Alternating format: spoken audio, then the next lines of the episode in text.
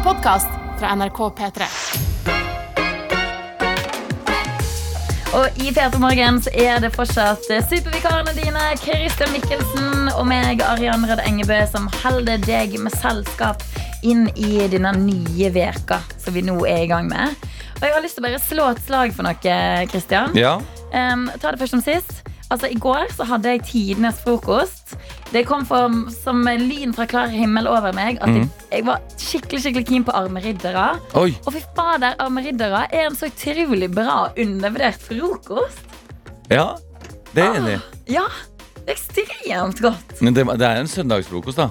Ja, Det tar, tar det kanskje ti minutter lengre tid enn å lage kokt egg. Ja, liksom. jeg tenkte, tenkte ikke på liksom tida det tar. Jeg tenker jo at det er jo mye sånn Det er jo liksom sukker og melis og Å ja. Det er veldig sånn eh, søt frokost. En, en eh, sydeuropeisk frokost. Sydeuropeisk. Det jeg pleier å gjøre, det pleier jeg gjøre, det er jo bare å liksom, du knekke to egg, da. Dynke noe melk oppi der. Ja. fush, fush, fush. Ja. Legge oppi eh, brødskiver oppi eggblandinga. Ja. Så bare steike den. Og så har jeg det med syltetøy. Det er ikke Ja. så som mer fancy Men det er kanskje ikke det? Nei. Nei. Så hvis du som hører på nå har litt er ekstra tid i dag Jeg må stoppe deg. Det er likevel en sydeuropeisk frokost. Er Altså. det det? Ja. Jeg, jeg føler det er på linje med, med en croissant til frokost. Men er det så galt, da? Nei, det er ikke det. Men det er, en, det er en søtlig frokost. Her til lands i Norge så har vi tradisjonelt sett ikke vært så vant til søte frokoster. Nei. Mens sydeuropeere, italienere, eh, spanjol, spanjoler De liker søte frukt. frokost. Og du lager en armeridere med Det er en pan, pan blanco, hvitt brød. Eh, ofte. I egg og sånn. Mens her i Norge ikke så vant. Jeg, Til går frokost spiste jeg eh, sopp Åh. med løk som jeg hadde stekt veldig lenge. Så Den ble sånn eh, eh, slapp. Mm. Det høres ikke så veldig tiltalende ut når det slapp. Slapp like. Spinat og egg. Oh, Ja. Det er jo ekstremt godt, da. Det- Enda ja. mer fancy enn har vil noen påstå. Ja. Ja. Mer fancy vil jeg ikke si det var. Jo, jo, jo. Men jeg vet ikke hva jeg vil med det. Nei. Jeg vil ikke noe sted med det egentlig. Det var bare å si til deg som hører på, at hvis Ja. du i dag tenker sånn hm, Har ti minutter ekstra tid Ja. og lyst, lyst til å lykse opp denne mandagen her, Mm. armeriddere er et lite, lite forslag. Det er et lite hint. Da kan Ja. du bruke gamle brødskiver. Ja, hvorfor ikke? Ja. Kjempebra mulighet for å bruke opp både egg og melk og brødskive. Ja, jeg heter Arian, og jeg har laga en kokebok eh, som bare Alle ingrediensene er gamle brødskiver. Hvorfor ikke? Det er Ok, det Det er er eh, i hvert fall tre oppskrifter. Krutong, armeriddere og noe vi i England kaller for bread pudding. Hvor du skjærer opp gamle brødskiver. Eh, det er faktisk ikke noe godt. Er det ikke det? Ikke noe godt, Nei, nei, Jeg nei. har nei. lurt på åssen det smaker. Åh, men jeg kan jo, kanskje du som hører på, har Oppskrift fire fòre endene. Og så skyter du endene med pil og bue. An til middag.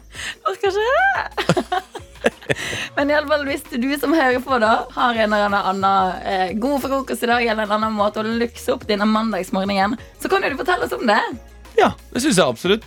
Eh, nå har vi hørt armriddere, så vi trenger ikke få den flere ganger. Men Hvis eh, dere backer armriddere, så vil jeg gjerne høre det. jo, det Jeg er ikke imot deg! Vi er på samme laget! Ja, men du syns det er litt for fans? Nei, jeg syns ikke det. Jeg Nei. bare syns det er kanskje eh, litt for søtt for norske ganer. Okay. Men for spanske ganer. Den er perfekt. Helt perfekt. Ja. Ah, uh, hvis det er du som hører på har lyst til å være med i innboksen og fortelle om din morgen, så er du hjertelig velkommen. Det er NRK P3 Morgen på Snapchat eller en tekstmelding til 1987 med kodeord P3. Og det er bare å flekke opp devicen din. P3morgen. Og Du som hører på, fy fader, du er god. Du har vært på allerede inn i innboksen 1987 til kodeord P3. Og her eh, ser vi at um, Jens fra Arendal Han backer meg i armeridderstøytet mitt, eller hva skal man si, um, promoteringa mi. Ja. Mm. Han skriver her at um, sakte arme- armeriddere er en populær kosefrokost i barnehagen der han Mm. jobber. ja I BHG sånn. Står det. Mm. Vi vet ikke om det er barnehage. Det Jo, kan være. Eh. Bergens eh, handelsgymnasium. Nei, jeg, eh, jeg og Jens, we, we go way back. Okay. Han har teksta inn her før. Det er bare han Ja, greit. Jeg bare sier at Mm, mm. BHG det kan være Bergens handelsgymnasium. Og at Armeridder er en sakte frokost der. Det, det kan jo godt hende. Ja, god dag. God morgen. I dag skal vi snakke om makroøkonomi, men først armeriddere. En sakte frokost.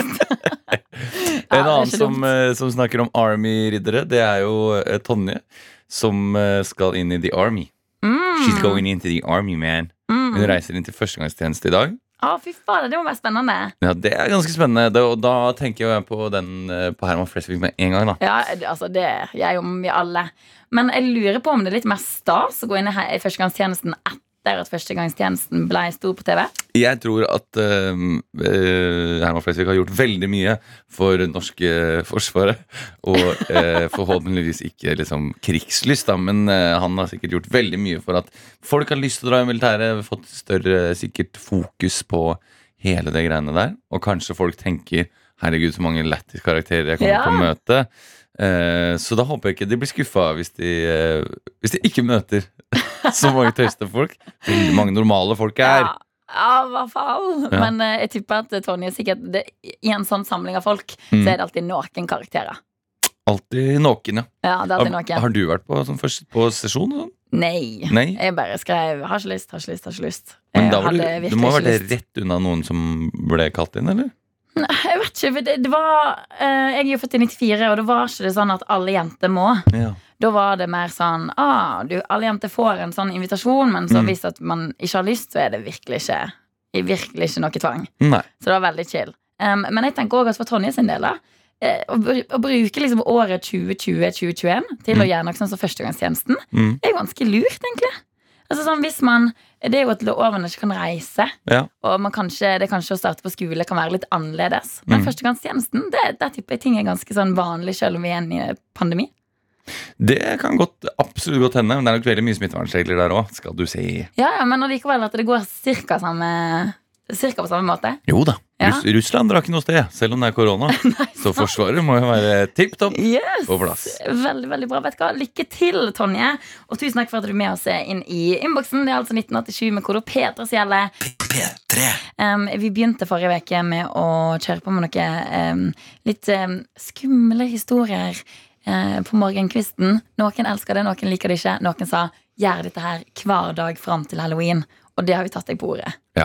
Det er jo ikke, men jeg, jeg føler ikke jeg har fått så veldig mye sånn eh, folk som sier de ikke liker det. Men folk som sier «Ah, det var, nå må, Nei, nå må jeg gå til skolen. Nei, nå må jeg sykle etter å ha hørt på det her. Ja, sant? Eh, men, Men det det- er jo bare historier. Og vi vet jo ikke om det er sant. Nei, det er, bare folk, det er jo bare du som hører på, som har sendt det inn til oss. Og så leser vi det opp, eh, egentlig. Mm. Så nei, det er, jo, det er jo egentlig din feil mest. Faktisk. Ja. Så hvis, eh, hvis du har Altså Det er jo på en måte spøkelseshistorier vi er ute etter. Har du eller noen du kjenner opplevd noe som var eh, noe, føltes overnaturlig, eller som føltes skummelt, eller eh, som føltes ut som at det var noe ufo involvert, Mm. eh, eller eh, er det noe Har vi noen andre eksempler? Um, bare der, eh, og sånne eh, historier om telepati-type ting. Der du har liksom gjort noe eller tenkt på noe, og så har du fått vite at liksom bestevenninna di eller mora di eller noe har gjort akkurat samme med i det tidspunktet. Ja, Sånne historier er òg ganske sjuke. Det går an. Ja. De skal helst være skumle, eh, men de må ikke være det, liksom. Nei, men det, det, er et- det er ekstra kult, da. Ja. Hvis den er litt skummel. Men hvis det er Um, sånn Og jeg så følte jeg Jeg søkte opp Zac Efron på IMDv, og så ringte venninna mi og spurte om jeg ville være med på Zac Efron-film. det Nei, er ikke men, så skummelt. men det er litt interessant. Interessant Det er er det. litt interessant. Men da sparer vi det til det interessante kvarter, Ja. som går fra kvart over ni til halv ti hver dag i P3 Morgen. Jeg venter fortsatt på å få opp snappen, Ja. fordi um, noen Noen um. Kar- Jonis Josef og eh, Henrik Farley glemte å lade mobilen. Så hvis dere har sendt inn masse snaps, så har jeg ikke sett det fordi den ikke er lada. Det er ikke min mobil dette her går på. Dette er på en helt egen uh, P3-mobil. Men jeg håper at jeg skal ha den oppe, sånn at uh, dere kan sende inn skumle historiene deres til uh, NRK P3 Morgen på Snap, eller med kode P3 til 1987. P3. Riktig god eh, morgen. Vi skal inn i det litt spooky hjørnet her i Peter Morgen nå. Spooky. Ja, vi skal det. Eh, og jeg eh, har nå fått opp mobilen. Denne Mm. NRK P3 Morgen-mobilen. Eh, og ser at vi allerede har fått inn noen meldinger der òg. Ok. Ja, på dette her. Skumle historier og så videre. Um, og det var litt det du nevnte. Sånn at det har skjedd noe. ok. Eller sånn, jeg har jeg har tenkt noe, og så har det skjedd. Ok, jeg får høre. Ja. Eh, og det var litt fint og litt trist på en gang. Eh, og det er en som har sendt inn at eh, for to uker siden fikk jeg for meg at min bestemor skulle sovne inn når det første snøfallet kom. Oi, det er en veldig spesifikk tanke å ha. Ja. På tirsdag kom det snø, og hun sovnet endelig inn. Nei. Mm. Og jeg fikk frysninger. Ja. Det var jo både, det var både litt trist og litt fint og litt uh, spooky på en gang. Ja. At man kunne tenke det. ja ehm, når du skriver at sovner endelig inn, så kan det hende at det er noe som på en måte har blitt venta på. Ja, det kan Mm. godt hende at det, det var eh, både fint og trist og, eh, og livets gang på en gang. Mm, mm. Ellers så har vi jo fått inn eh, litt meldinger som både er av liksom den sk en skummel historie og det overnaturlige slaget, vil jeg vel si. Yes. Eh, det er en som skriver her. Eh, Ayla heter hun. Da jeg vokste opp, hadde vi en sort katt som gikk igjen i huset, men ingen trodde på meg fordi vi også faktisk hadde en katt. Mamma og pappa skiltes, og pappa ble boende i huset. Det var fremdeles en katt i huset, selv om mamma hadde katt. Oi! Etter at pappa flytta fra det huset, har jeg ikke hatt en katt i sidesynet mitt på den måten igjen. Å, shit! Ja. Men da har jo skjønt at det var en ekstra katt der, selv om de hadde to katter. ja. Men det har jeg også hørt, nemlig med katter. Ok. at, at hvis en katt er dødd, og så kan du nesten ligge Eller en som da forteller han, så kan han ligge i senga når han er hjemme på besøk. Og så er det nesten sånn at liksom han kjenner at katten hopper opp i senga. Og så er han ikke det. Du syns det er skummelt, du? Jeg syns det er litt fint, jeg. Ja, men jeg bare synes det, det gir jo deg Eller det gir meg frysninger, fall. At man kjenner noe som ikke skjer. Katter er jo veldig åndelige dyr. Ja, det er veldig åndelige. åndelig. nå hørtes jeg som en gæren krystallfaktor. ass. Katter er jo veldig åndelige dyr. Nei, men de ble jo tilbedt i gamle Egypt og Ja. altså, katter. Katter, ja. De, det er noe ekstra med katter. altså Har du Det- lyst til å ta en historie? Skal jeg ta en til? Kjør på. Du, jeg syns at du er så god til å fortelle det, Kristian. Ok, Mm. Da går vi for denne eh, oldemorhistorien. da Ja. God morgen, tøyter. God morgen til deg også, tøyte. Da jeg var rundt tolv år, gikk oldemor bort. Mamma hadde vokst opp med henne ettersom mormor jobbet mye. Den samme natten vi fikk de triste nyhetene, hørte jeg stemmen til min mor. Nysgjerrig som jeg var, gikk jeg bort til soverommet deres for å se hva det var. Da så jeg at min mor satt på sengekanten og snakket til en stol som var full av klær. Jeg rakk ikke å se så mye før min far tok tak i meg og sa Det går fint, bare legg deg. Mamma snakker i søvne. Ah. Ekkelt. Det var et veldig filmatisk øyeblikk. Jeg rakk ikke å se mye før min far tok tak i meg. Gå og legg deg. Det var en stol full av klær. Og så lurer jeg på om det noen gang har tenkt Om dere snakka om dette her igjen. Eller om dette er liksom sånn Nei, vi, det- det skjedde bare én gang, og så har ikke jeg snakka om det mer. Ja, Eller om det faktisk er noe som blir tatt opp, liksom. det, det kan hende. Mm, Det kan hende, det kan hende. Jeg vil ta en til fra Benjamin. Ok, kjøp på. Jeg har en skrekkhistorie, skriver han. Når jeg var liten, sånn rundt fem-seks år gammel, pleide jeg å fortelle mamma at det var en mann som gikk gjennom veggen min når jeg skulle legge meg, og alt han gjorde der, var å stå og se på meg.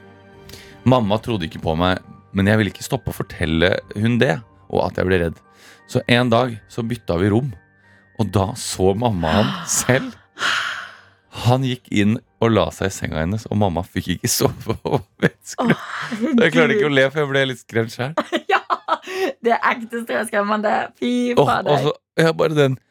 Så en dag bytta vi rom, og da så mamma han selv. Uh, nei, vi er nødt til å få oppstemninga litt. P3. Vi har nettopp vært inne i vårt lille spooky hjørne som vi skal være inne i hver dag fram til halloween her i Petremorgen.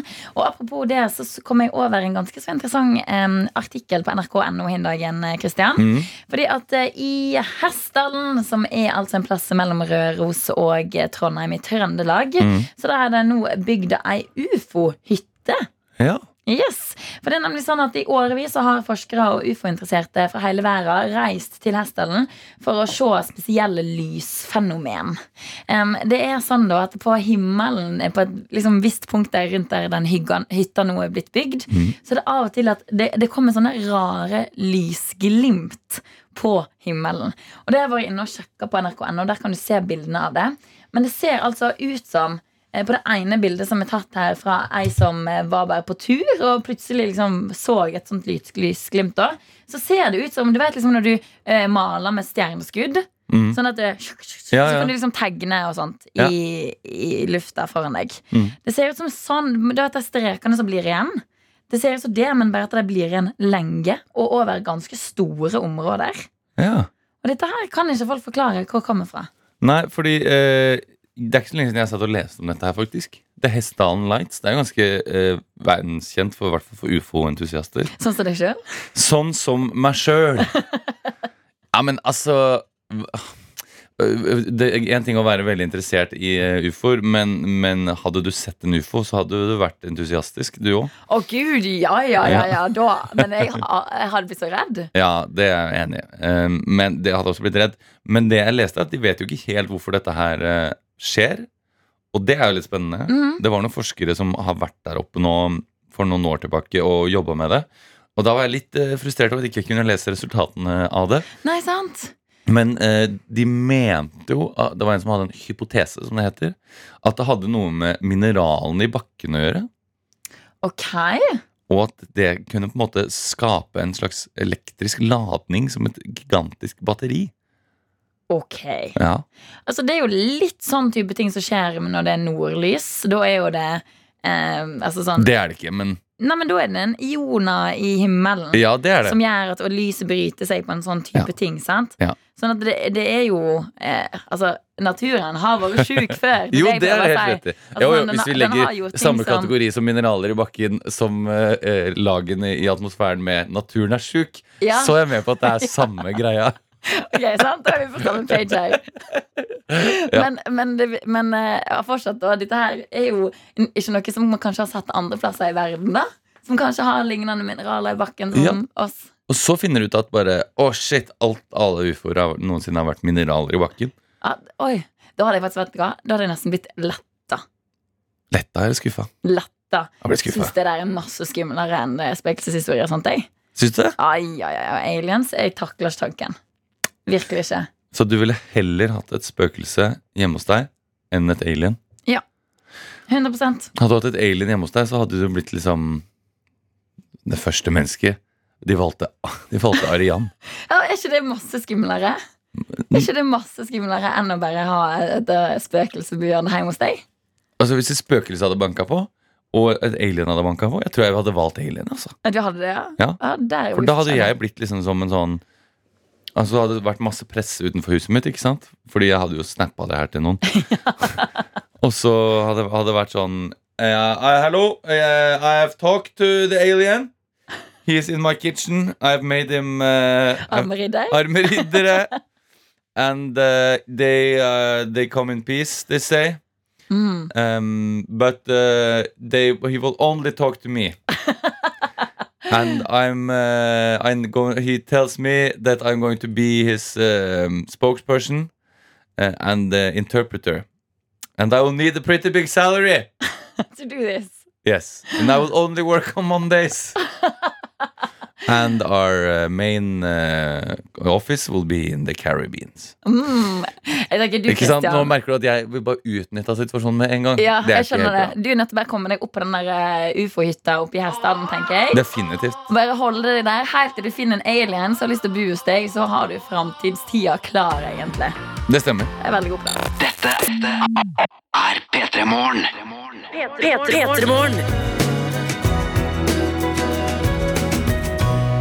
Howdy og Clyde var låta ut i dagens Min mandag. Jeg som har valgt den ut, Ariana heter jeg. Hei, hallo. Jeg fikk litt vondt i hjertet av å høre den. Ja. Det er en sånn typisk låt som jeg hører på hvis jeg er sånn ah, jeg er litt trist nå vil Mm. bare tenke litt på det. Vi føler at du er i på en måte slutten av en One Tree Hill-episode. Ja. Som kanskje har vært litt vond. Hvor, man, hvor de forskjellige karakterene setter seg med et pledd rundt seg og ser ut av vinduet på litt dramatisk vis. ja. Har du noen gang gjort det på ekte? Ja, jeg òg. Ja. Eh, Men jeg ble sittende og mimre litt sjøl. Okay. Det er jo minnemandag, mandag og jeg søkte opp One Tree Hill for å huske karakterene, huske litt hva som skjedde. Kom inn på en artikkel. One Tree Hill biggest plot holes that makes no sense. Ok, få høre. Nei, også, Her er det sikkert masse bra. det er ganske mye, men du, du må være ganske inni det tror jeg, for å liksom sette veldig pris på mange av de. Bortsett fra Altså, det er jo han derre faren som eh, skjøt broren sin, han Dan. Ja! Ja, og han For det første så er det da På plass nummer seks Så er det det at han skjøt jo da broren sin eh, Jimmy? Nei Nei, Keith Ja, ja, ja. ja. Han skjøt Keith Eh, Og ikke i, ikke i selvforsvar Eller ikke for å forsvare noen andre Så fikk hun fem år i fengsel Og så kom hun rett ut Og så ble jo de venn med han igjen etterpå. Sånt, også. Ja, de gjorde det, men det var visstnok fordi han redda livet til Til Nathan Ja. Ja, Mm. men det var ikke det jeg lo sånn av Nei. Det jeg lo sånn av, var at han, han Dan skulle få en hjertetransplantasjon. Eh, og så i sesong seks så skal Dan endelig få den eh, etterlengtede hjertetransplantasjonen sin. Og så kommer det da en, en, en sykepleier med, et, med det hjertet i en sånn eh, is, isoporkasse. Ja. Og så faller han. Hjertet faller, faller ut av boksen. Og så kommer det en hund og spiser det! Og så står, står det bare i store bokstaver Why was there a dog in the hospital? Ah, nei, Det Montreal. spiste- Og det liksom bygde opp til han skulle endelig få den, og så er det en hund der som bare går og spiser hjertet. Herregud. Det er for dumt, ass. Ja, det er faktisk for dumt. eh, Men uh, at vi ikke har tenkt på det før.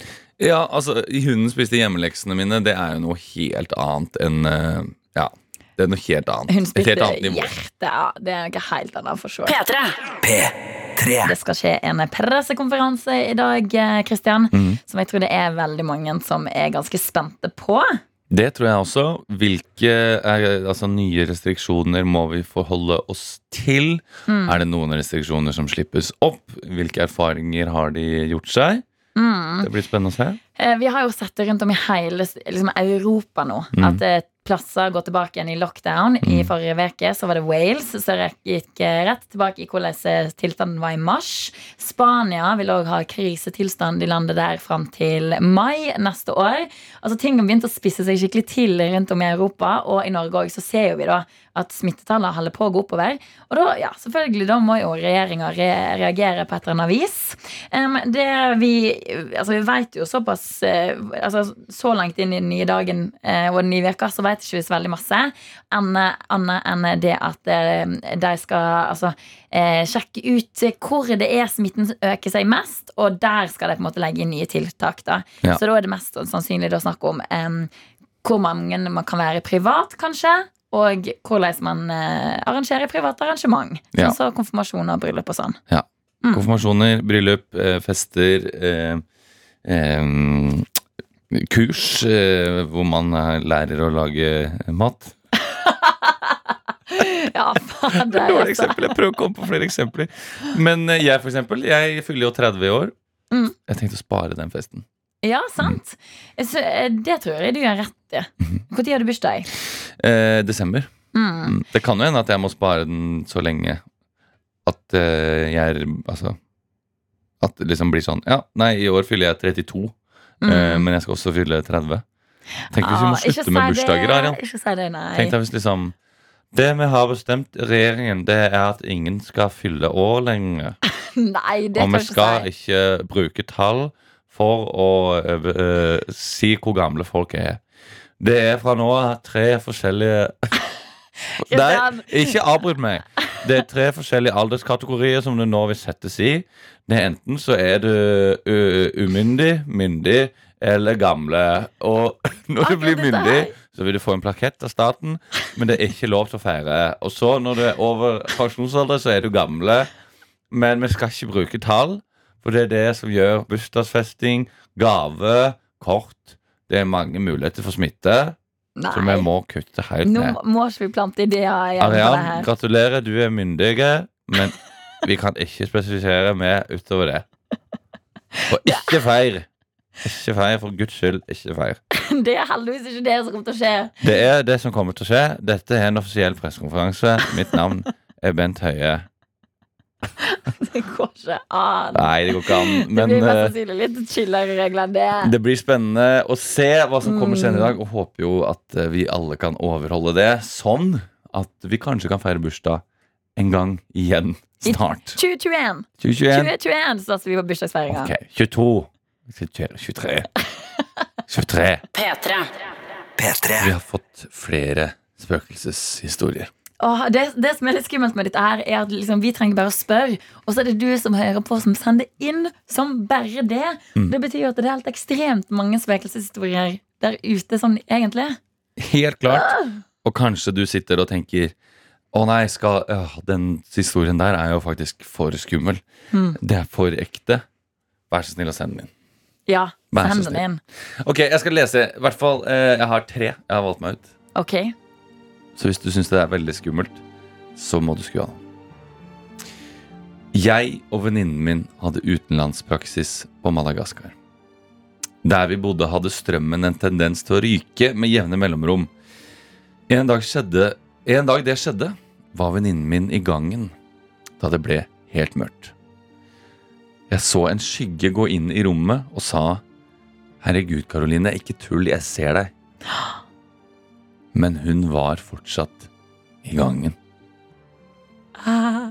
Det må også nevnes at malariapillene vi tok, var sterke saker. ja, Men allikevel, skummel Ja. historie. Ok, Men vil du høre en som, fikk det til å, som ga meg ekte eh, frysninger? Ja.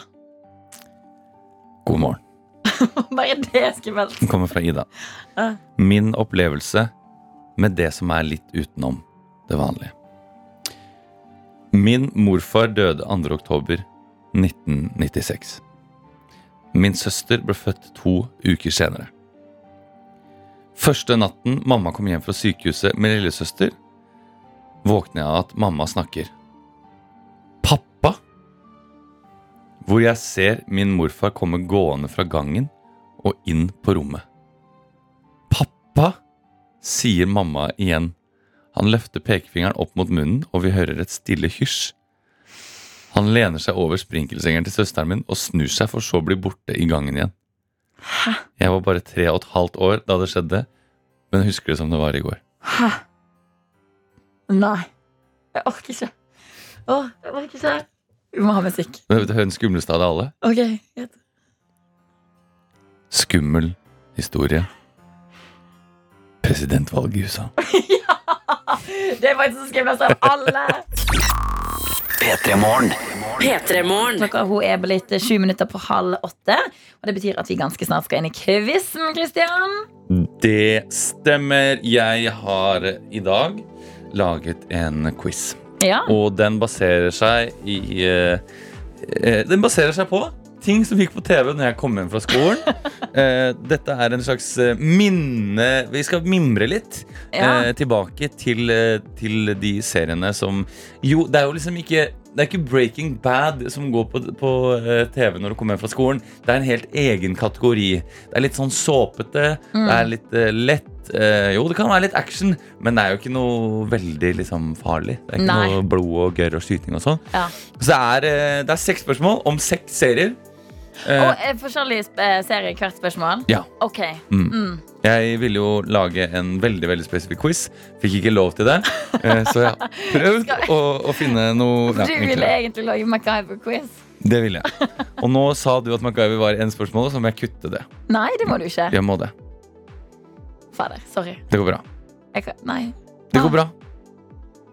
Spørsmålet hadde vært Han var en slags agent som løste verdensproblemer med bare en lommekniv og vitenskapelige Nei. løsninger. Nei, men nå sa, det kan jo, Du trenger ikke å ta det vekk. Ja, det, det, du Nå må trenger jeg vekk på det Nei, nei, det kan han okay, MacGyver han jobbet jo i Phoenix Foundation. Um, Ja.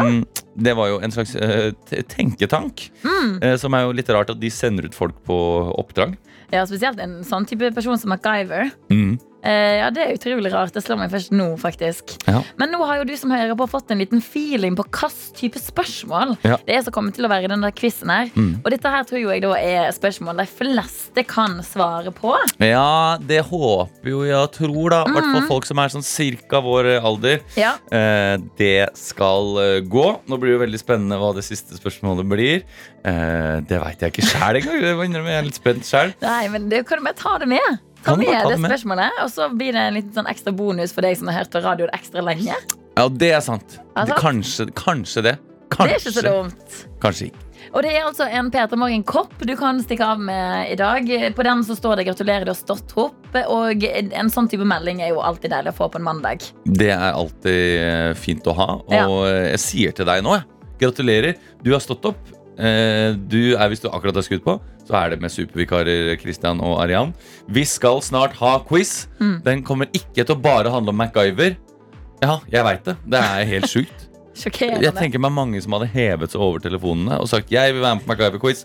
Men nå kan du hive deg over telefonen og si jeg vil være med på, eh, på quiz om eh, TV-serier eh, som gikk på skolen. Da treng- ja. sender du enten melding, kode P31987, eller til Snapchat, som jeg holder i min telefon. Ja, den heter NRK Peter Morgen på Snap der, altså. Um, og du trenger ikke å skrive alt det der. Du kan bare skrive 'Hei, jeg er være på quiz'. Det holder rikelig. P3. Vi skal inn i dagens quiz. I dag er det du som har laga den, Kristian Mikkelsen. Det stemmer. Jeg har eh, dykket inn i Jeg skal ikke si Ja, på en måte barndom, ungdomstid. Eh, vi skal rett og slett eh, tenke litt på de seriene som man så på når man kom hjem fra skolen. Som er en helt egen kategori serier. Vi har fått med oss Martin, stemmer ikke det? Jo, det gjør det. Halloen, Martin. Hva er det du gjør på akkurat nå? Ah, nå sitter jeg på kontoret og venter på at de andre skal komme. Dette var egentlig veldig god timing. Ok, Hva er det du jobber som? Jeg jobber med digital markedsføring.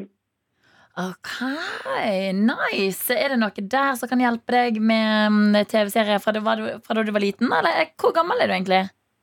Jeg er eh, 91, så mm, hvis Kristian er 90-modell, så håper jeg at dette skal gå Ah, veien. Du har nok helt rett eh, i det. Eh, Du, du er helt i smørøyet for denne quizen her. Jeg tror eh, vi skal bare sette i gang, og så skal vi se om du så like mye på TV som meg.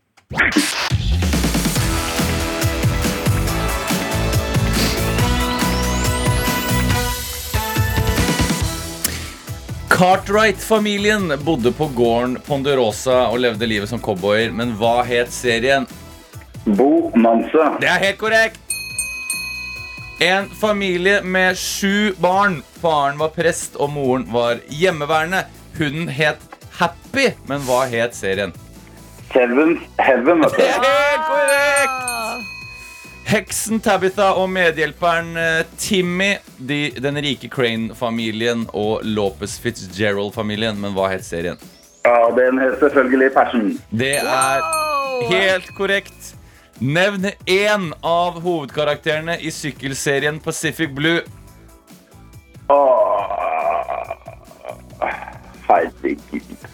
Er det sånn TJ? Oh, det er nærme! Det er veldig nærme, men det må bli feil. Ah, ja.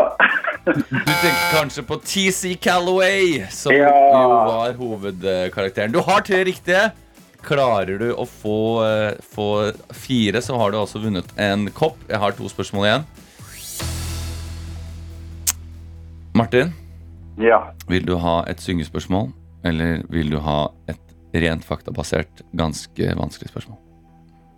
Uh, jeg tror syngespørsmål høres veldig bra ut. Kan du synge introen til Home and Away?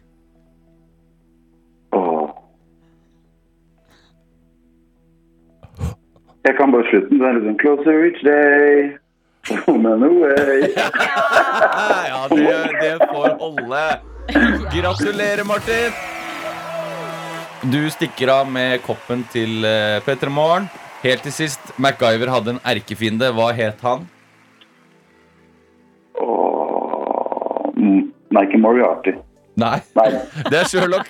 Men det det er, er Sherlock. ja. Det er det er ganske nærme. Nei, sitter det er godt gammelt jernteppe, så den er pass. Folk i de tusen hjem. De roper ut 'Murdoch! Det er jo Murdoch, Murdoch!' ja. Ja, ja, ja, selvfølgelig. De har ikke funnet liket hans ennå. Han er fortsatt på frifot. En av de skumleste skurkene som fins. Martin, gratulerer så mye. Det blir kopp på deg, selv om Murdoch satt langt inne. Du fikk Ja. fire av seks riktig, og håper du får eh, markedsført masse i dag på, i det digitale rom. Ja, i hvert fall nå. Dette var helt, eh, helt nydelig. Det er godt å høre. Skal noe gøy i dag? Eh, I dag er det fryktelig lite på tapetet. Det er en god, god mandag uten noe. Ja, Det høres helt nydelig ut. Tusen takk for at du var med på quiz, og ha en nydelig chill mandag, da. Takk i like måte. Takk for det. Dette er P3. Altså, Den eh, quizen vi har nettopp hatt her nå, Kristian, var utrolig gøy. Ja, så hyggelig. Altså, Overraska det deg litt at det, det var um, MacGyver-spørsmålet som var vanskeligst? Ehm, ja, men det er nok kanskje fordi jeg kan uh, veldig mye om og har sett mye på MacGyver. Mm. Mm. Hvorfor det? Eh, fordi eh, MacGyver eh, var jo en, et godt forbilde. Han brukte ikke våpen. Han likte å, å løse må, ting på en ikke-dødelig måte. Han var smart. Eh, det passa seg veldig fint. Jeg så på det etter skoletid. Eh, løp hjem med bestekompisen min Anders for å se på MacGyver noen ganger. Mm. Jeg tror jeg har sett alle MacGyver-episodene. Å, virkelig? Mm. Har du sett det sånn i voksen alder òg? Ehm, mm, ja, ikke så veldig. Nei. Ikke så veldig, skal jeg være helt ærlig. Og jeg så det kom en ny serie som het Young MacGyver. Den så ganske middels ut. Ja, Den kan umulig være like bra. Um, jeg husker spesielt godt en episode av MacGyver som har brent seg inn i minnet mitt, som har gjort at jeg har blitt ordentlig redd for maur. på Ja. ekte. For dette, det er en episode der der uh, MacGyver skal hjelpe noen folk med å redde ei øy som holder på å bli tatt over av maur. Okay. Og disse maurene de eter opp, de, de eter opp folk levende, liksom. ja. Og så er det et sånt sjukt sånn levende bilde der en forsker han det er liksom, detter ned fra en sånn borg som de lager for å holde seg Mm. vekk fra maurene. Og så detter han forskeren og ned i bare en hel haug med maur, så blir, det åt, blir han åt, opp levende. Så etter det så er jeg bare pisseredd for maur. Det er bare MacGyver sin feil. Ah, shit. Det er sesong 1, episode 6, det er så klart. Ja, så, klart. Hadde du det i hodet, eller jeg du det? Nei, det måtte jeg google. Jeg måtte google Du det. måtte google! Vet du hva som har brent seg inn i mitt hode? Nei. MacGyver krasjlander med et fly. Åh! Eh, og så ødelegger han da understellet på flyet. Ikke sant? Så da, hvis ikke du har hjul på flyet, så kan du ikke fly. Nei. For du får ikke tatt av. Og da lager han en liten, liksom, eh, hvis du ser, en liten båt måte, som han spikker og fester foran på flyet. Og så lager han en lang gjørmerenne, sånn at flyet i stedet for å bruke hjul kan skli opp. Den har jeg også sett! Ja, Ah, Det er mye classics, vet du. Han er en genial type. Og ganske genialt av deg òg, Kristian, å lage en quiz om eh, TV-serier man så på når man var eh, yngre. Kom Ja. hjem fra skolen. Har du snakket med noen om MacGyver i dag? Hvis ikke, sett deg ned med en kollega Ja. og hør.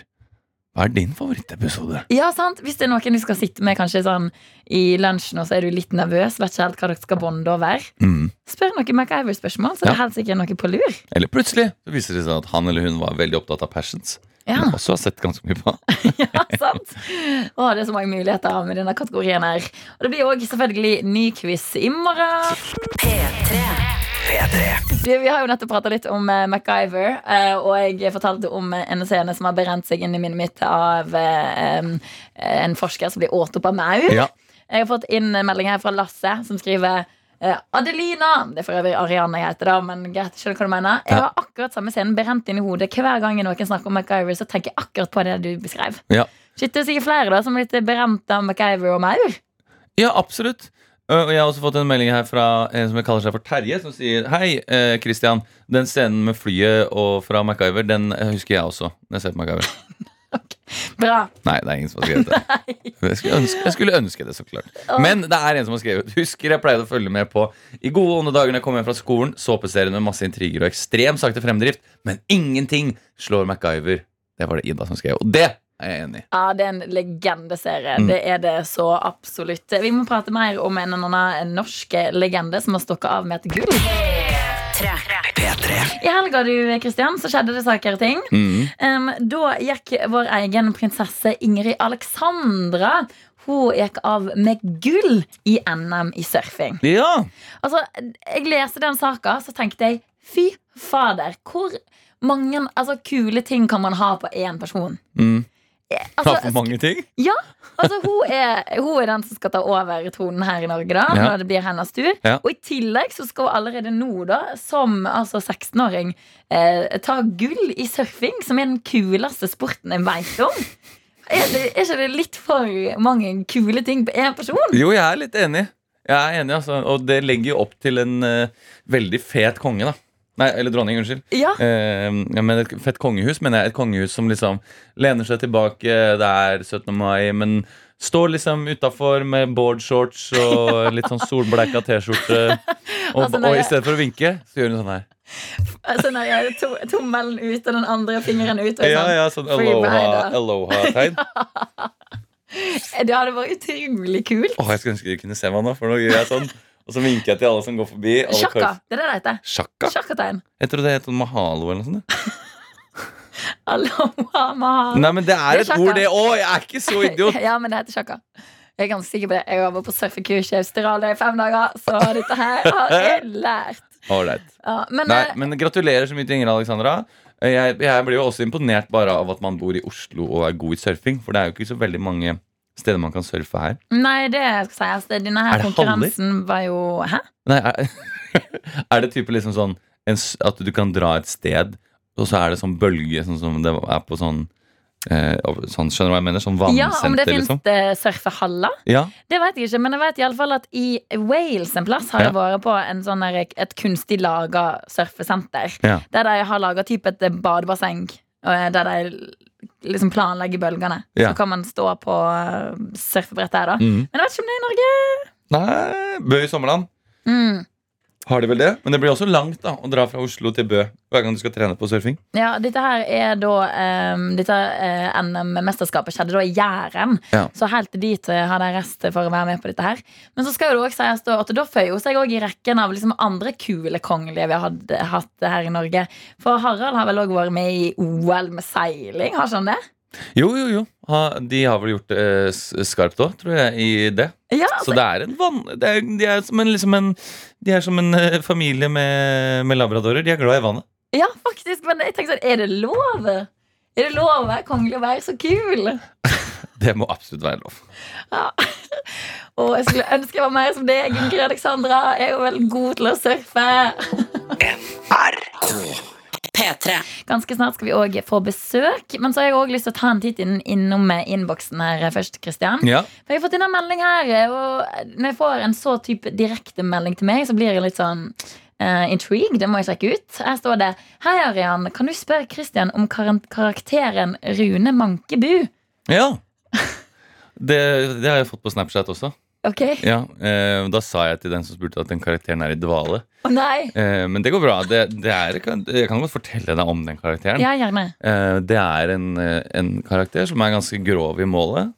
Som er en Han er kokk, eh, og det begynner med Det begynte med at Nå skal jeg si noe som er litt stygt på morgenen, kanskje. Men jeg hørte en gang noen som bruker uttrykket 'det var så godt', det knuller i munnen. Å, det er et, det er et hardt uttrykk, ja. Det er et hardt uttrykk. Ja, så det er en, det er en karakter som, lager, som er jævla god til å lage mat. Men han på en måte ødelegger det ved å si 'Å, fy fader, i dag skal vi lage noe dritdigg kalkun'. Å, det kommer til å knulle i munnen uh, her, ikke sant? Ja. Og, og jeg fant på liksom nye uttrykk som ikke bare var det med at det k-er i munnen. uh, som var verre, på en måte. Mm. Uh, som Jeg syns det er litt tidlig å drive og dele på altså, morgenen. ja, klokka er bare seks og et halvt minutt over åtte. Det er fortsatt litt tidlig, ja. Ja. Jeg ser den, men da kan vi spare den til eh, Vi får spare han til eh, litt over ni, tenker jeg. Ja, folk har kommet seg på jobb og sånn. Ja. Eh, men han er en, eh, en artig fyr som gjorde ganske mye. Som, som det er en helt spesiell type folk som, eh, som syns som, de, de som liker den karakteren, de elsker den. Ok. Da gleder jeg meg til litt over ni hvis vi kanskje får skal få hilse på eh, Runen. Men det er så bare å fortsette å sende inn dine meldinger til 1987 med kode P3 hvis du har lyst til det. Mm. Eller snappa til NRK P3 Morgen på Snap. P3. God morgen til deg, Vegard fra Stjernekamp. God morgen. God morgen. Hvordan har morgenen vår så langt? Um, den her um, morgenen Den har vært veldig tidlig, Mm. så jeg føler meg kanskje litt sånn Jeg var litt groggere akkurat før jeg kom inn, men nå har jeg det litt, eh, litt bedre. Ja, bra. Mm. Måtte du opp litt tidligere enn vanlig, eller? Ja, fordi at eh, der hvor jeg bor, så skal det være en sånn liten sånn ettårsinspeksjon på, på huset. eh, av de som har bygd det, da. Så da måtte jeg opp og, og rydde ganske tidlig i dag, eh, før jeg kom hit. Og så tok det jo meg også 40 minutter å komme ned hit, så Ja, jeg har våkna veldig tidlig. Jeg skal ikke si mer enn det. Jeg trodde først du bodde på en slags militærskole, siden det var sånn beinhard inspeksjon. Men uh... oh, ja, nei, heldigvis ikke. nei. Det hadde vært litt heftig. Yeah. Um, men Vegard, vi kjenner jo deg nå fra både Stjernekamp, men òg yeah. nå eh, de siste ukene så er du òg aktuell med en ny TV, en, en ny serie, Mm. Ja. NRK-TV, som heter altså Urbi. Kan du Mm. fortelle litt mer om den serien der? Eh, ja. Eh, den serien eh, kom jo til når jeg var på videregående. Og på videregående så hadde jeg et sånt band, et sånt rockeband, og vi het Optical Pollution. Og vi var veldig stolte av navnet. Optical Eh, Pollution. Ja. Oh, Optical Pollution. det er et kult navn! synsmessig forurensning. Ja. Ja, det syns jeg var gøy. Ja. Uh, og så NRK Zeppelin de la da ut en sånn en sånn uh, ting man kunne søke på. De skulle ha en ny serie. da Og da syntes jeg det var veldig kult å melde på bandet mitt. Men så når jeg snakka med dem, så syntes de det var ganske interessant at jeg var, var samisk, og at jeg skulle begynne å studere musikkteater. Mm. Så da endte det bare opp på at jeg ble med på det. Eh, og så fulgte de meg da det første året jeg bodde i Oslo. Så jeg syns det er veldig veldig gøy å se tilbake på det. Hvor mye man har forandra seg da siden, siden man kom hit. da Fra, fra et lite Fra lille Finnmark, da. Eh, så eh, ja, den forteller egentlig bare om, om den lille reisen jeg har hatt på det ene året. Og jeg må jo si, det var jo ikke forventa at det skulle skje så mye. Så de tok jo egentlig bare en sjanse og bare sa sånn Ja, nei, du kan være med på det her. Eh, og så endte de opp i en Disney-film, og det endte opp i Stjernekamp, og nå sitter jeg jo her også, så det har jo, For et det har jo gått bra. for et kupp de gjorde med å få Ja. deg inn i den serien. Ja, jeg tenker jo det var jo litt flaks, både fra deres og min side. Ja, ja, ja. Ja, fordi at eh, I den serien så blir jo vi både kjent med at eh, du er på audition, for da skal du på stemmeprøve for Disney. For for deg som hører på som kanskje ikke har fått med deg det, så har jo du stemmen til Kristoffer i Frozen 2. Ja, i den samiske versjonen. Ja. Det er jo helt vilt, Og så baller det på seg med Stjernekamp. Ja. Eh, Jeg synes det er, er det vanskelig å ta til deg alt dette her, alt som skjer.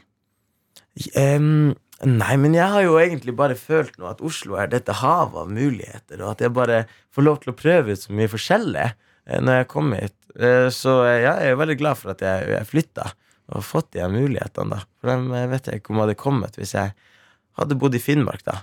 Mm. Vi har besøk av Vegard Bjørsmo, kjent bl.a. fra Stjernekamp. Og fra den nye TV-serien i NRK TV som heter da Urbi. Bare gjør det. Vi googla litt nå nettopp og fant, på fant ut at Urbi betydde å Eh, nei, det betydde knopp. Eller Knopp? sånn skudda. Eller sånn Ja. en blomst, på en måte. Ah, vakkert ord. altså. Ja, veldig vakkert eh, ord. Det er altså bare å sjekke ut i NRK TV hvis du har lyst til det. Um, og så nevnte du òg tidligere i, i praten at um, du følte at eh, etter du hadde flytta til Oslo for et eh, år siden, sånn cirka, Mm. så hadde det åpna seg mange muligheter for deg. Da, blant annet Frozen og Stjernekamp. Og Mm. følte du at, at disse mulighetene ikke hadde kommet? Hadde ikke det vært for at du hadde flytta? Em, jeg føler jo at eh, i Finnmark og på den videregående skolen jeg gikk på, eh, så hadde jeg veldig eh, muligheten til å utvikle meg der og eh, ja, fokusere mye på musikk. Og så var det også et sånn veldig fint ungdomshus da, som inkluderte meg veldig, og der fikk jeg jo drive med teater og revy. Så det var jo absolutt muligheten for å, for å utvikle seg, men det var eh, kanskje ikke så muligheter, mange muligheter til å vise seg fram eh, som det her er i Oslo. Det er absolutt mye mer ressurser i storbyen, og, og mye flere folk man kan bli kjent med. Eh, så jeg er jo veldig glad for at jeg har hatt den oppveksten der i, Finnmark, men også veldig glad for at jeg kommer til Oslo. Mm, best of both worlds. Best of both worlds. Yes. um, og mange har jo da mest sannsynlig blitt kjent med deg nå ekstra mye gjennom eh, Stjernekamp, og vi må prate litt om det. For du var jo en stor favoritt. Favoritt Ja. imponerte mange. Og så var det òg noen som ble litt sånn sjokkerte når du gikk ut eh, for et par uker siden. Hvordan var hele den opplevelsen for deg? Um, nei, altså Hele Stjernekamp Altså, det, når jeg var med Eller Herregud, hvor er det man skal starte? Jeg har lært så mye, jeg har fått oppleve så mye. Jeg har fått lov til å danse, jeg har fått lov til å spille med et orkester. Det har liksom bare vært så mye lærdom, og det var jo på en måte mitt første møte med hvordan denne bransjen er, da. Å få lov til å jobbe med et så godt team også er ikke Ja, det er liksom ikke alltid en selvfølge at man får den muligheten. Eh, og jeg studerer jo også eh, musikkteater. eh, Og går jo på skole, så det var jo veldig interessant det å kunne lære ting på skolen. Og så liksom få lov til å teste det ut hver eneste lørdag. Det, ja, det er veldig Jeg er takknemlig for at jeg fikk lov til det. Herregud. Så jeg tenkte jo sånn når jeg gikk ut, at ja, det var jo veldig trist, men jeg ble jo samtidig så stolt av meg sjøl, og så glad for at jeg har lov til å joike på TV, og at jeg torde å dele så mye av meg sjøl. Eh, fordi jeg er jo veldig, veldig ung, så jeg, det var mange ting som løsna for meg som person når jeg fikk lov til å være med på det programmet. Åh, Shit, så spennende. Men Hvordan da type ting som løsner? Altså, føler yeah. du at du blir blitt litt mer, fått mer sjøltillit, for eksempel? Eller? Ja, for jeg, jeg er jo kanskje litt sånn Litt sånn in introvert, da. Og eh, det å stå på scenen altså sånn, og synge, det syns jeg nesten var greiere. Eh, men det å, ja, å tørre å, å føle og legge følelser i ting, og, og de pratene etterpå oh my God, Jeg ble så stressa Man aner jo ikke hva man skal si, og så står man der med Kåre Magnus Berg, og han er jo så god å prate, og så vittig kar. Så ja, å måle seg opp mot det er jo, det er jo veldig skummelt, da. Um, så ja, nei, absolutt det å tørre å Og Ida Marie lærte meg også det å tørre å være litt sånn rak i ryggen også. Det er noe jeg skal ta med meg videre. Åh, Gode råd egentlig for oss alle å ta med oss Ja. videre. videre. P3. Vi har òg med oss en flink musiker i studio. Det er Vegard Bjørsmo, kjent fra NRK sin eh, TV-serie Urby og fra Stjernekamp. Og vi har lyst til å bli litt bedre kjent med deg, Vegard. Ja, Og rett og slett også for lytteren til å bli litt bedre kjent med deg. Absolutt. eh, Og kanskje det til og med kan være noen som da kan eh, la seg inspirere av det du svarer. For jeg har laget Oi. noen litt sånn spørsmål eh, hvor som du kan velge å svare kort eller langt på. Det er liksom Ja. ting som du liker, eh, og som du har lyst til å anbefale, eller rett og slett bare for å bli bedre kjent med deg. Så Vegard, nå skal jeg eh, begynne, og så spør jeg Hvis du kunne valgt liksom én matrett som du skulle laget i dag, hva skulle det vært? Og jeg syns det er så flaut å svare på, for jeg Oh my god, jeg er så eh, Jeg er så glad i sånne, sånne meieriprodukter. Okay. Så eh, alt som jeg liker, eller hvis man skal servere meg noe, så er det alltid liksom ah, sånn crème brulé eller panna cotta. Eller, Ja, og ja. er veldig glad i, også i, i rømmegrøt og yoghurt. Det sånn, så jeg, jeg må kanskje si sånn Ja, ja. rømmegrøt, men det er ofte Jo, men det er kjempefint. Også, åh, det er jeg så glad i. Altså. Rømmegrøt med Ja. crème brulé til dessert. Ja, Ja. ja. Det er, det- det er bleke retter. glass. Det ja, det er bleke retter også, herregud. Jeg syns det er litt flaut, men eh, nei, det har alltid vært ja, Det jeg tenkt på. Du vet sånn eh, Hvis man blir sånn henrettet i USA, i sånn fengsel, så får man liksom det man vil, vil ha liksom, Mm. til det siste måltidet. Syns jeg det er litt flaut å tenke på at jeg hadde valgt rømmegrøt. Jeg syns det er helt topp, Ja. Vegard. Eh, ok, TV-serie mens du spiser rømmegrøt. Hva ville du sett på da? Åh, um, oh, nå har jeg sett det to ganger, da. Men uh, jeg syns det er litt gøy å se på litt sånn internasjonale TV-serier. Mm. Og så har de på Netflix en sånn serie som heter La Casa de Papel, eller sånn Papirhuset, da. Mm. Som er sånn eh, krim-rane-greie. Så ja. Nei, det hadde jeg anbefalt. Og så er det spansk, ja. da, så det er jo veldig gøy. Det Ja. er eh, et veldig godt Den tips. høres mye kulere ut på spansk. Forstår du Ja. span spansk? Jeg hadde spansk på ungdomsskolen, men eh, nei, jeg kan ikke skryte på meg det, nei. Ja, Mm. det, Skjønner noen ord innimellom. ja. Eh, musikk, da? Har du en eh, artist som du hører på, og som du vil anbefale til de der ute? Ja, jeg vil eh, anbefale en artist. At han er jo Jeg liker ham veldig godt, fordi han har også veldig stort fokus på det å føle. Mm. Eh, og så husker jeg når jeg gikk på videregående, så ble det jo veldig veldig mye sånn teknikk hele tida. Eh, og da åpna han den døra for meg at noen ganger så trenger man ikke bry seg så mye om hvordan det høres ut, så lenge man liksom kjenner det ordentlig. Mm. Og han heter for Matt Corby. Matt Corby, ja. Hei! Så han syns jeg folk burde høre på. Australsk eh, musikk der, rett og slett. Ja. Matt Corby. Eh, godteri slash snacks, Vegard.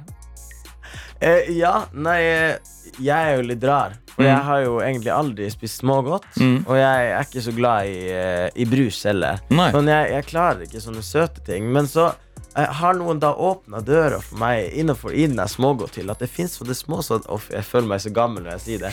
Det er som gamlingutvalget av smågodthylla. Du vet de er små ferskenbiter.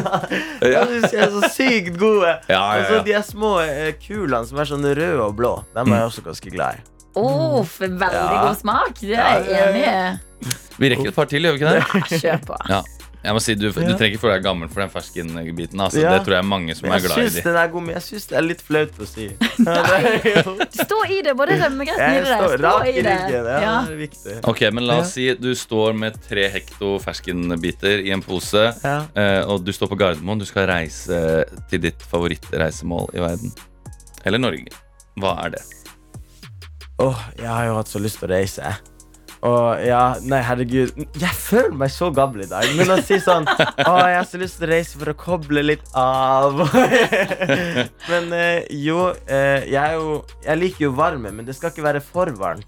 Eh, så jeg tror jeg holder meg i Europa, egentlig. Eh, og så har jeg alltid, alltid hatt lyst til å dra til Frankrike. Ja. Sånn liksom til Lyon, eller til der på kysten, på en måte. Det tror jeg hadde vært veldig, veldig fint. Så absolutt ferskenbiter i Frankrike. Det Ja. Anbefaler jeg. fader. Det høres faktisk helt nydelig ut. Ja. Og helt til sist um, Har du et helt eller et for, Har du en helt eller et forbilde? En helt Jeg um, har jo en person, en norsk kjendis, som jeg syns er så sykt artig. Og noen ganger skulle jeg ønske at jeg var like artig som hun. Og hun heter for Else Kåss Furuseth. Mm. Herregud, hun var for en nydelig dame. Og hun syns jeg er så kul. Så det er mitt forbilde i dag. Det er et Ja. veldig godt forbilde. Hvis ikke du har et forbilde, Ja. så kan det være den siste anbefalingen til deg i dag. Se litt mer på Else Kåss. Furuseth, så blir Ja. mandagen din eh, veldig bra. Et litt mer rømmegrøt, e- litt mer ferske. Ja. Veldig masse bra anbefalinger. Tusen takk, Vegard, for at du kom innom. Nei, tusen takk for at vi kom. Og P3 Morgen. P3 Morgen. Det er Petra Morgen du hører på med vikartøytene. Christian Mikkelsen og meg, Arian Røde Engebø. Det er skikkelig fint å ha deg med, du som eh, hører på. Det er kjempehyggelig. Eh, vi skal jo holde på her i en eh, Ja, nå holdt jeg på å si en time til, men det er mer enn en time. En time og 20 minutter. Vi har akkurat sagt adjø til Vegard fra Stjernekamp. Han eh, kan du se på Instagram ganske snart. Og hvis du ikke fikk med deg det intervjuet, så går det an å gå inn i NRK Radio-appen. Eller vente til podkasten kommer ut, da, hvis du er så treig. Mulighetene er så mange. Jeg klarer ikke helt å komme over at eh, han jeg føler Han var en litt sånn eh, Jeg hadde ikke trodd Han overraska meg da han sa at han var mest glad av, eh, av alt i verden. Var liksom i rømmegreit. Ja, han hadde bare sånne bleke hvite retter. Var hans favoritter.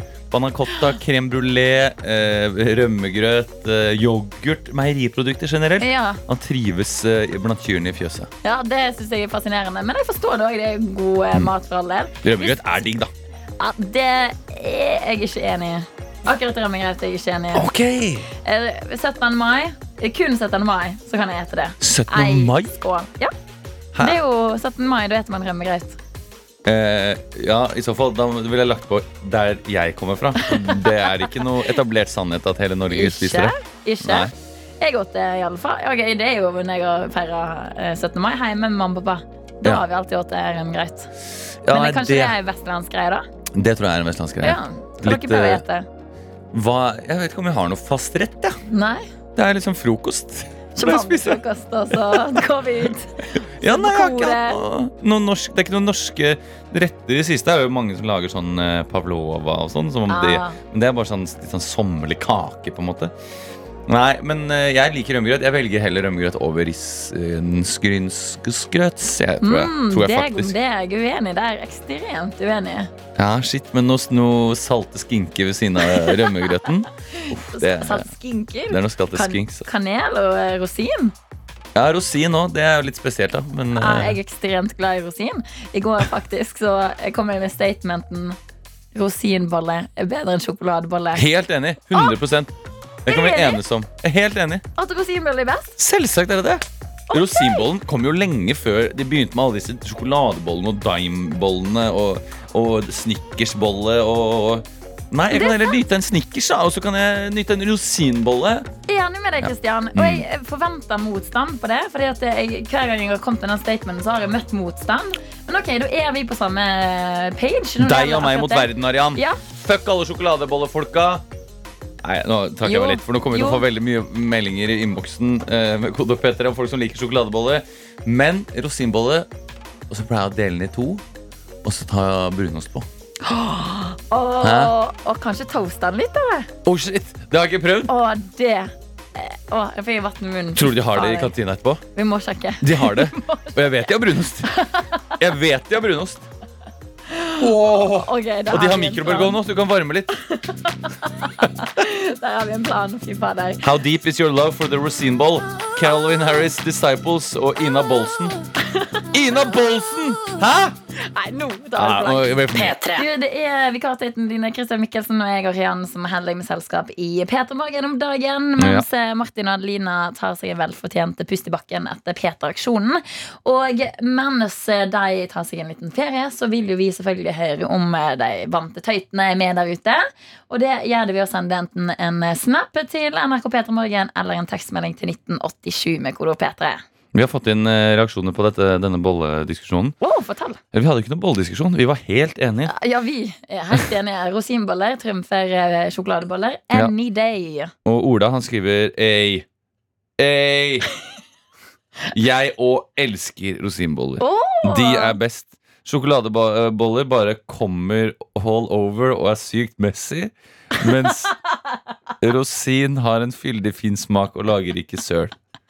Jeg er enig. Okay. Jeg, jeg, interessant bilde du malte, men jeg er med på det du sier. ja. Og så har vi en som heter Rekstorm Mm. Som høres ut som eh, han er en transformer. Rexstorm! Som uh, sier uh, Og litt sånn Han er litt sånn uh, Ja, litt sånn Skal være litt sånn For jeg mente liksom rosinboll Jeg sa rosinboll kom før sjokolade. Og Ja. med det så mente jeg at det er liksom the OG, på en måte. Originalen. Ja, originalen. Men så Mm. han mente sånn Ja, rosin, hva, hva har det med smaken å gjøre? At rosinboller kom før sjokolade. Og så lagde han et fjes som var litt sånn Unnskyld meg. Hva har det med smaken å gjøre? Ikke- Nei, jeg sier ikke at det har noe med smaken å gjøre, men jeg sier at det er den originale. Og det Ja. har jo noe å si. eh, den kom først, liksom. Og den gir kanskje litt mer sånn hyggelige assosiasjoner til å være ja, kanskje et barn være med på kafé- med noen foreldre som byr på med en rosinbolle, for eksempel. Da.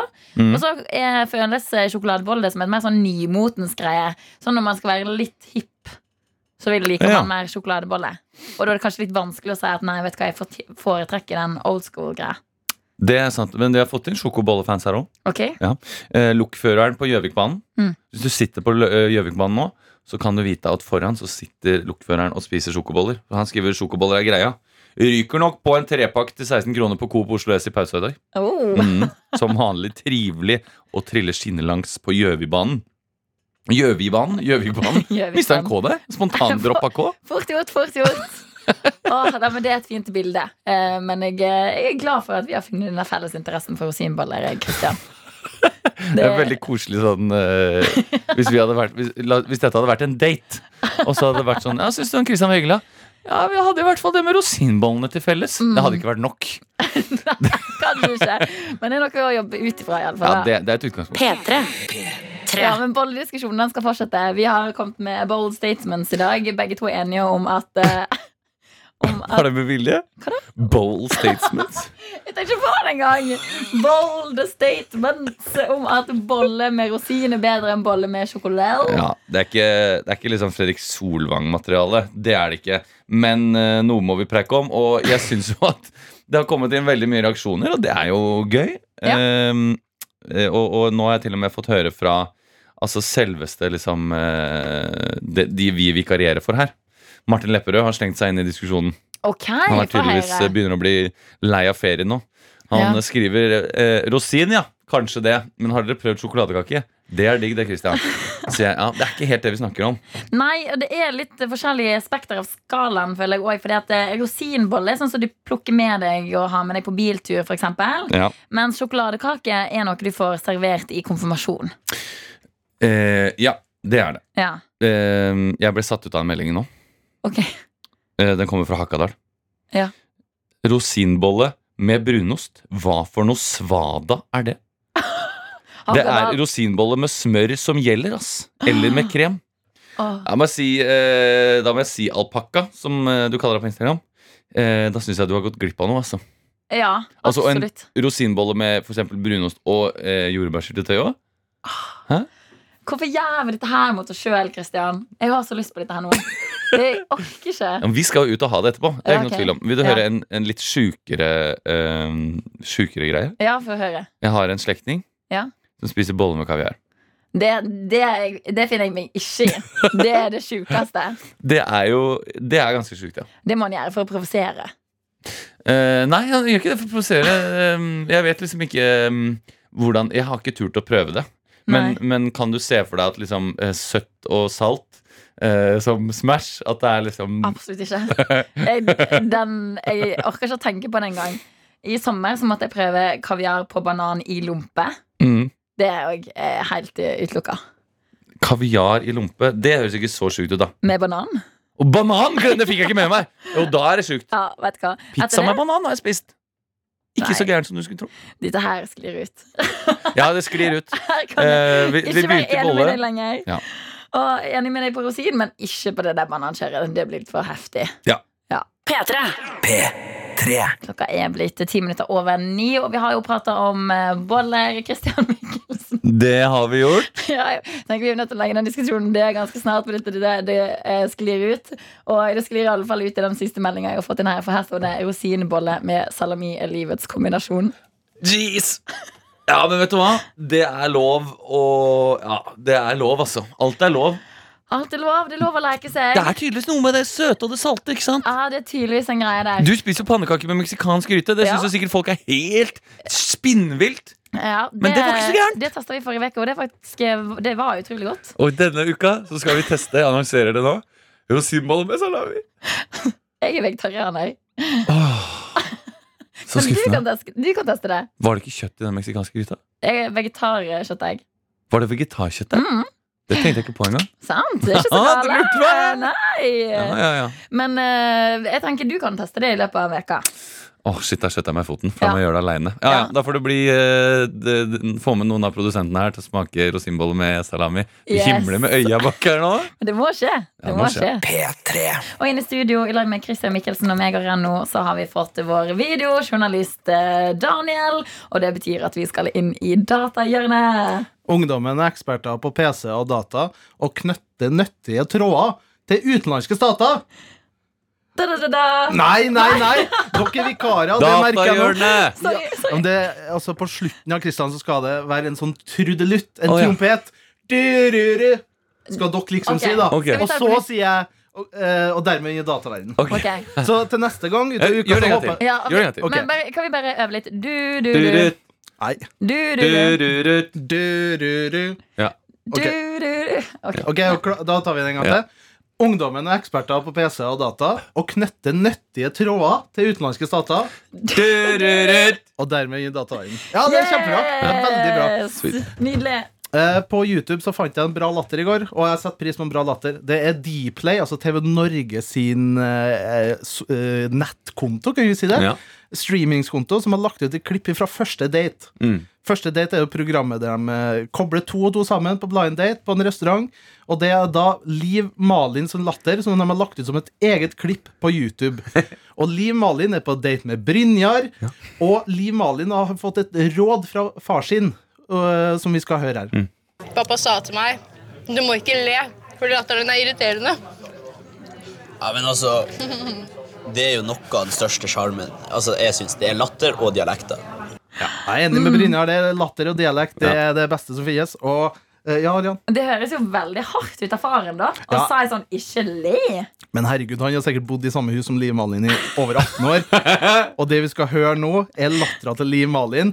Fordi at Brynjar, det er også veldig spesielt. At Brynjar han et med bestikk, ikke sant, som alle andre. Men Brynjar ser ut som han aldri har, aldri har spist med bestikk. For han holder altså da, eh, kniven holder liksom vanlig, men han holder tommelen øverst på kniven, som om det er en knapp når han spiser. Og det er Sånn? utru- ja, Sånn? ja, som om du trykker ned i penn. Sånn er den og bruker bestikket. Og det er utrolig spesielt. Og det uh, setter eh, Liv Malin så pris på at hun begynner å eh, le, og vi kan jo bare høre det her, da. Hvorfor holder du den sånn?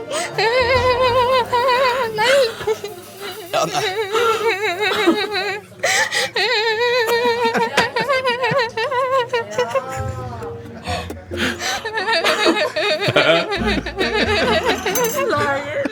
Liv Malin. Å, det er god latter. Fantastisk latter. Ja, det, eh, Liv Malin sier sjøl at det høres ut som en brannalarm eller Ja. en bilalarm. Men det høres også ut som du vet på vinterstid når du skal starte opp bilen din, Ja. og du sliter litt med å få i gang motoren.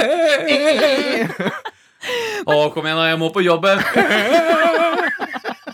Nei, så uh, Liv Malin må ikke være kjenner for lattera. Den er helt fantastisk. Ja, den ja, ja, ja. fantastisk. Vet du hva jeg husker, apropos YouTube og datahjørnet? Mm. Det var en sånn nydelig lenke en periode på YouTube, apropos lenker, mm. hvor det er da folk som sitter og ser på liksom andre folk som ler. Og så begynner, begynner typ med en som sitter og ler sånn Og så klipper de til en som da ser på han igjen, som ler. Og, så, det, og, og det fortsetter i det uendelige! Herregud, det er jo neste versjon av låtlenka. Ja. At du får en latter Det folk, og så bare bygger vi på. Å, Fant du det her nå, Arian? Du, På jeg har funnet en video som heter The funniest and most stupid laughs ever. Men først er reklame for graviditetstest. Jeg vil vente til den er ferdig. Um, men det jeg har veldig lyst til å høre nå, da, er Ja, ja. han der, Husker dere han derre uh, dad at the barn laughing? Og så har han sånne Han har sånn Det veldig et innover barn. Ja, ja, ja, ja, ja, ja, ja. Ok, Og det jeg tror nå jeg har funnet, er en video av at han ler av en annen fyr Han leker sånn Ja, Jo, jo, ok, jo, vi jo, hører. jo. Jeg håper det er riktig. Ja!